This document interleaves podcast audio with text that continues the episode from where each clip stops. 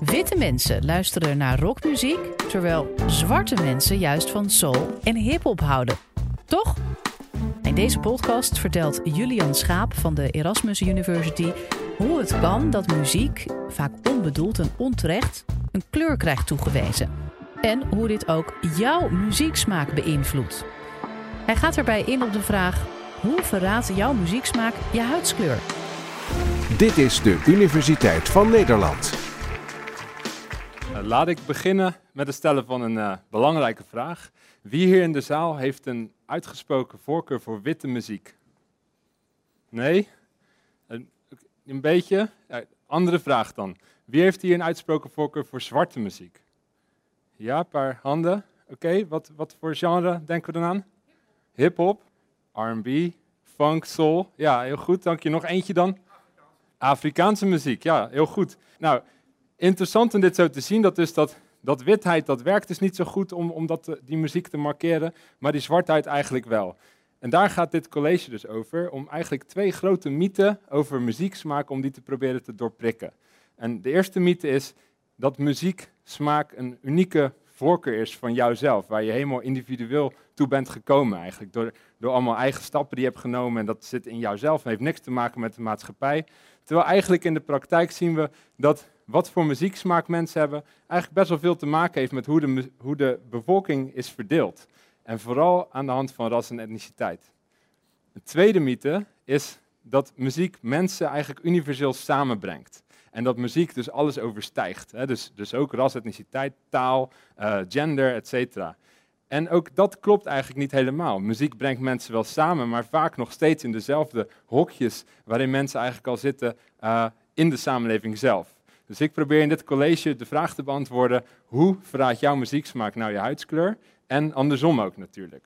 Nou, als eerste gaan we dan nadenken over van oké, hoe hangt huidskleur nou samen met, met smaakvoorkeuren überhaupt? En laten we dan eerst kijken naar dat witheid, want dat is dus een beetje dat, dat gekke. Nou, ik heb daarvoor een handboek meegenomen. Uh, dat gaat over witte cultuur. Dat heet de definitieve uh, uh, gids voor dingen die witte mensen leuk vinden. En dat laat ik die vooral even op mezelf dan toepassen. En dan kan ik kijken en dan bijvoorbeeld zie, zie ik hier biologisch eten. Ja, dat klopt wel. Um, retro en vintage meubels. Dat klopt ook aardig wel. Uh, hardhouten vloeren. Helaas ook schuldig daar. Um, punkrock. Ook zeker weten schuldig. En ja, daar ga ik zo meteen dus al wat meer over vertellen. Um, maar het mag wel blijken ook uit het, uit het gelach hier dat dit dus eigenlijk vooral heel grappig is. En het is vooral grappig omdat we nooit zo praten over witheid of witte cultuur. Dat is eigenlijk iets wat we niet doen.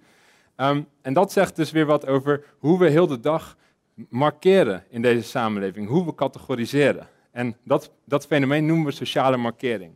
En het is dan vooral interessant te gaan kijken naar wat we wel markeren en wat niet. En wat we vooral niet markeren, markeren is dus die witheid en witte cultuur. Dus denk bijvoorbeeld aan dat het heel redelijk klinkt om te zeggen een zwarte schrijver. Maar een schrijver, als we dat zo zouden noemen, dan wordt er vaak gedacht aan een witte man. Of denk bijvoorbeeld aan een Turkse acteur. Dat zou bij een Nederlandse acteur, wordt dat niet snel genoemd bij Nederlandse film. bij een Turkse uh, acteur in een Nederlandse film wel.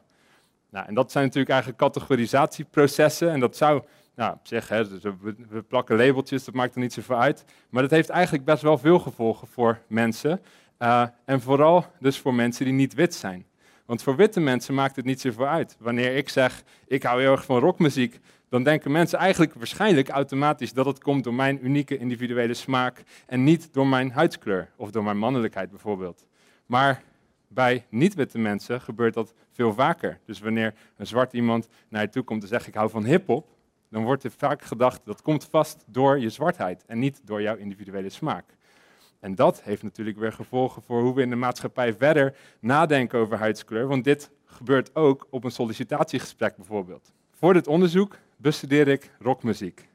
En rockmuziek bestudeer ik niet alleen omdat ik zelf rockmuziek heel erg leuk vind, bleek ook uit het boek. Ik zit graag ook in bandjes. Um, maar vooral omdat het een bijzonder goed voorbeeld is van witte en mannelijke cultuur, waar vaak ook niet over na wordt gedacht. Dus het is eigenlijk opvallend, onopvallend wit. En het is vooral dan interessant om te kijken naar die geschiedenis van rockmuziek. En daar moeten we natuurlijk dan voor naar de Verenigde Staten, waar rockmuziek is begonnen met name in de vorm van de king of rock and roll, uh, Elvis Presley. Maar als je verder gaat graven in die geschiedenis van rock, dan kan je zien dat er eigenlijk voor Elvis al best wel veel zwarte artiesten rock and roll maakten. Dus bijvoorbeeld Chuck Berry, Little Richards, Fats Domino, B.B. King, maar ook zwarte vrouwen zoals Big Mama Thornton en Sisters at the Tarp. En die zijn allemaal grotendeels vergeten in die geschiedenis van, van rockmuziek. En het was dan ook een belangrijke producer, Sam Phillips, die in de jaren 50 zei: Als ik een witte man kan vinden met het zwarte geluid en het zwarte gevoel, dan word ik multimiljonair. En dat was de ontdekker van Elvis Presley. Nou, dit verhaal is niet uniek voor de Verenigde Staten. Ehm, in Nederland hebben we eigenlijk een soort gelijk verhaal over rockmuziek. Waar we grotendeels denken dat de eerste Nederlandse rockband de Golden Earrings was in 1965 met een nederbeat, kunnen we gaan graven en dan zien we dat tien jaar daarvoor de Indo-rock, zoals dat nu heet, is ontstaan. Dus al tien jaar lang maakten bands zoals de Tillman Brothers wilde rock'n'roll met acrobatische trucs op het podium, die grotendeels zijn overgenomen door artiesten die hierop zijn gevolgd. Als we dus kijken naar die geschiedenissen van Nederland en Amerika, dan is het vooral belangrijk om te onthouden dat het moeilijk is om daar daders in te vinden. We kunnen wel kijken naar de muziekindustrie, maar veel van die artiesten zelf, die zijn zich eigenlijk niet heel erg bewust geweest van dat ze cultuur misschien aan het toe-eigenen waren. En zelfs artiesten zoals Elvis en Keith Richards van de Rolling Stones hebben altijd toegegeven dat ze luisteren naar zwarte muziek en daar ook door zijn beïnvloed. Hoe noemen we dat nou in de sociologie? We proberen hier naar te kijken door een perspectief wat we culturele toe-eigening noemen. En in dit geval noemen we dat witwassen. Dus zwarte cultuur is eigenlijk witgewassen. Veel mensen hebben wel een probleem met dat idee van culturele toe-eigening. Want cultuur is toch eigenlijk een, een publiek goed, openbaar. En het is vaak heel moeilijk om te traceren waar je invloeden vandaan zijn gekomen. Dus als je een boek gaat schrijven of een film gaat maken of wat dan ook, dan zelden dat je gaat nadenken van ja, waar komen al mijn kleine impulsjes vandaan waardoor ik tot dit kunstwerk ben gekomen bijvoorbeeld. En dat klopt ook wel, maar het nadeel hiervan is dat dit is allemaal gegrond in machtsverhoudingen. En door die witte dominantie betekent het ook dat wanneer we die zwarte roots van bijvoorbeeld rockmuziek niet erkennen, dat het misschien ook betekent dat we die mensen in de samenleving wat minder erkennen. En dat heeft dus weer gevolg voor hoe we naar elkaar kijken buiten muziek zelf.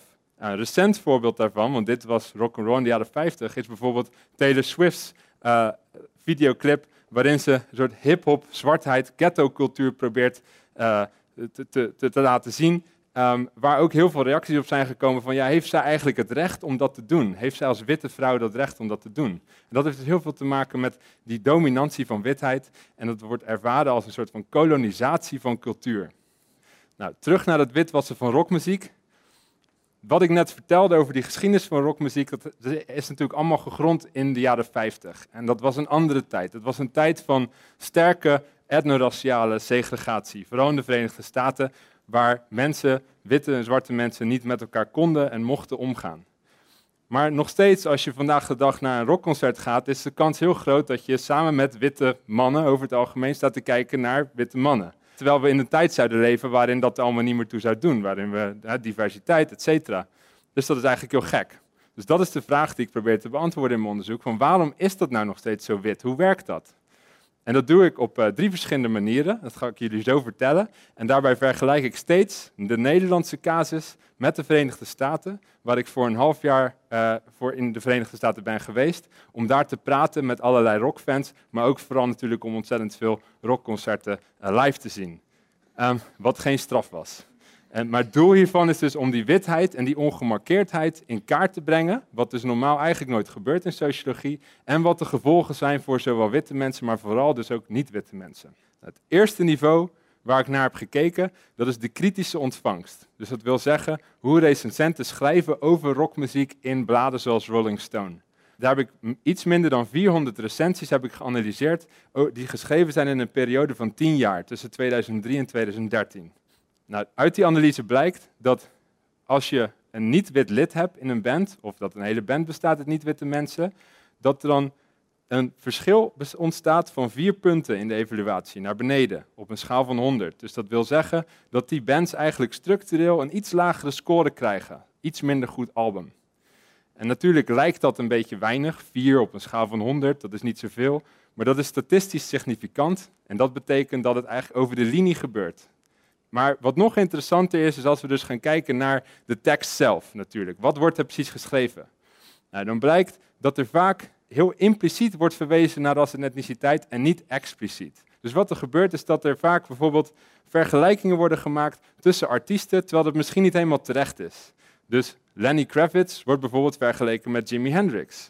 Terwijl muzikaal gezien, en misschien is als socioloog het niet mijn plaats om dat te beoordelen, uh, ze niet hetzelfde klinken. Het zijn alleen twee zwarte mannen met een gitaar. Dat is de vergelijking in dit geval.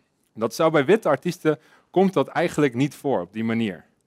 Een ander voorbeeld is dat bij die recensies vaak ineens wordt gesproken over hip-hop of soul of funky invloeden. De genres die we aan het begin van het college ook al voorbij hoorden komen. En dat betekent dus dat eigenlijk die niet-witte artiesten vaker in die kant worden geduwd in plaats van de kant van rockmuziek als genre. En ze worden dus als minder authentiek gezien, maar op een hele impliciete manier. Nou, het tweede niveau waar ik naar heb gekeken, dat zijn dus de fans. Dus hoe ontvangen fans naar die rockmuziek en hoe gaan ze daarmee om? Nou, al die fans die ik heb geïnterviewd, 30 in Nederland en Amerika, die zijn het eigenlijk erover eens dat de rockscene geweldig is, uiteraard. Uh, de witte fans uh, zeggen bovendien dat, dat ze heel erg toegankelijk zijn. Dus de rockscene is, is toegankelijk voor iedereen en er wordt, diversiteit wordt enorm verwelkomd. Dus ze willen graag zoveel mogelijk verschillende mensen hebben, ondanks dat ze bijna allemaal wel in ieder geval een beetje bewust zijn van het feit dat het toch wel een beetje een, een witte mannenbolwerk is. De niet-witte fans die ik heb geïnterviewd, die zeggen eigenlijk wel vergelijkbare dingen. Van ja, het klopt, het is heel erg wit en heel erg mannelijk, maar ja, expliciet maak ik er nooit zoveel van mee. Niet zo'n heel groot probleem. En die rockscene is toch vooral een warm bad, want dat is mijn muzieksmaak, daar geniet ik van en dat is voor mij een culturele uitingsvorm. Toen ik ze verder ging vragen, vooral die niet-witte fans, over hun ervaringen, toen bleek ook al vaak dat er toch wel dingen gebeuren die bij witte fans niet gebeuren. Dus bijvoorbeeld kleine momenten dat ze zich toch niet helemaal welkom voelen door allerlei soorten opmerkingen. Bijvoorbeeld dat ze wordt gevraagd van, hoe ben je hier eigenlijk terechtgekomen? Of luister je ook naar hip-hop? En dat lijken een soort onschuldige vragen en die zijn vaak ook heel onschuldig bedoeld. Uh, maar die kunnen overkomen alsof iemand misschien toch denkt dat het gaat over je huidskleur, in plaats van dat het gaat over jouw individuele smaak. Dus iemand maakt eigenlijk een associatie op basis van huidskleur en denkt, die persoon is hier niet op zijn of haar plek. En de reacties die zij geven, ze zeggen dus ook van ja, ik moet eigenlijk vaak twee keer zo hard werken om te laten zien dat ik hier thuis hoor. Dat ik ook een authentieke rockfan ben. Zo was er bijvoorbeeld één iemand die ik heb geïnterviewd, een zwarte jongen, die vertelde dat hij nooit zomaar uit zijn werk naar een rockshow zou gaan. Want dan heeft hij bijvoorbeeld zijn overhemd aan. En dan heeft hij toch vaak het gevoel dat hij wordt veroordeeld. Op basis van dat hij daar niet, misschien niet helemaal zou mogen zijn. Dat hij toch even naar huis fietst, een bandshirtje aandoet, zodat hij die vraag in ieder geval niet kan krijgen. Terwijl als ik zo meteen naar een rockshow ga, dan denk ik niet dat mij dat overkomt. Dat is één kant van het verhaal, want de andere kant is dat ze ook een soort marginalisering ervaren vanuit de eigen gemeenschap. Dus bijvoorbeeld familie of uh, niet-witte schoolvrienden. En die eigenlijk verwachten van dat je niet naar dat soort muziek gaat luisteren, naar witte muziek. Zo blijkt bijvoorbeeld het onderzoek uit de Verenigde Staten dat hip-hop door veel zwarte mensen wordt gezien als de ultieme vorm van zwarte cultuur. De zwartste cultuur wordt het ook wel genoemd. En dat heeft gevolgen. Belangrijk gevolg is bijvoorbeeld dat zwarte mensen dus hun, eigenlijk hun zwartheid kunnen tonen op basis van hun kennis van hip-hop. En wanneer je ervoor kiest om dat niet te doen, om daar niet van te houden, dan wordt misschien ook je zwartheid bevraagd. Andersom zorgt ervoor dat witte mensen naar zwarte mensen kijken en eigenlijk automatisch verwachten van je zal wel van hip-hop houden, toch? En dat blijkt dus wel dat het echt een heel erg complex probleem aan het worden is, omdat het van alle kanten eigenlijk moeilijk wordt gemaakt en die witheid maar een soort ongemarkeerd blijft in het geheel. Nou, daarvoor ga ik naar het derde niveau om dit te meten. En dat is om te kijken hoe eigenlijk die associaties in mensen hun hoofden zitten. En daar heb ik een psychologische test voor ontwikkeld, waarbij mensen woorden die te maken hebben met rap en rock en plaatjes, dus van witte en zwarte gezichten, moeten associëren met elkaar, zo snel als ze kunnen. En dan blijkt dat wanneer ik die plaatjes logisch groepeer, dus dat wil bijvoorbeeld zeggen dat ze witte gezichten hebben en woorden die te maken hebben met rock, dat ze dat veel sneller kunnen doen dan wanneer je dat omdraait. Wanneer je dus witte gezichten ziet met woorden die met hip-hop te maken hebben. En ze zijn zelfs 160 milliseconden sneller. Nou, als je heel snel vragen stelt, is dat heel veel. Ehm, dat betekent dus dat die associaties eigenlijk meer voor in het hoofd van mensen zitten dan, dan we eigenlijk dachten. En dat het veel dieper gaat dan we ook verwachten. En dat, dat muziek allemaal helemaal niet zo uniek en individueel is en veel meer te maken heeft met je achtergrond en je opvoeding en hoe je bent opgegroeid in deze maatschappij. Nou, de vraag die ik dus wilde beantwoorden in het college is, hoe verraadt jouw muzieksmaak nou je huidskleur? Nou, ik denk dat het wel duidelijk mogen zijn dat dat nogal wat zegt. Huidskleur en muzieksmaak hangt best wel veel samen. En natuurlijk bepaalt het je muzieksmaak niet. Iedereen heeft uiteindelijk een unieke individuele, individuele vrijheid om zelf tot de favoriete muziekstijlen te komen. Maar hoe we naar elkaar kijken en hoe we denken dat mensen naar muziek luisteren en wat voor genres mensen luisteren, dat blijkt toch wel sterke associaties te hebben. En dat klinkt natuurlijk weer door in hoe we in de maatschappij over ras en etniciteit nadenken.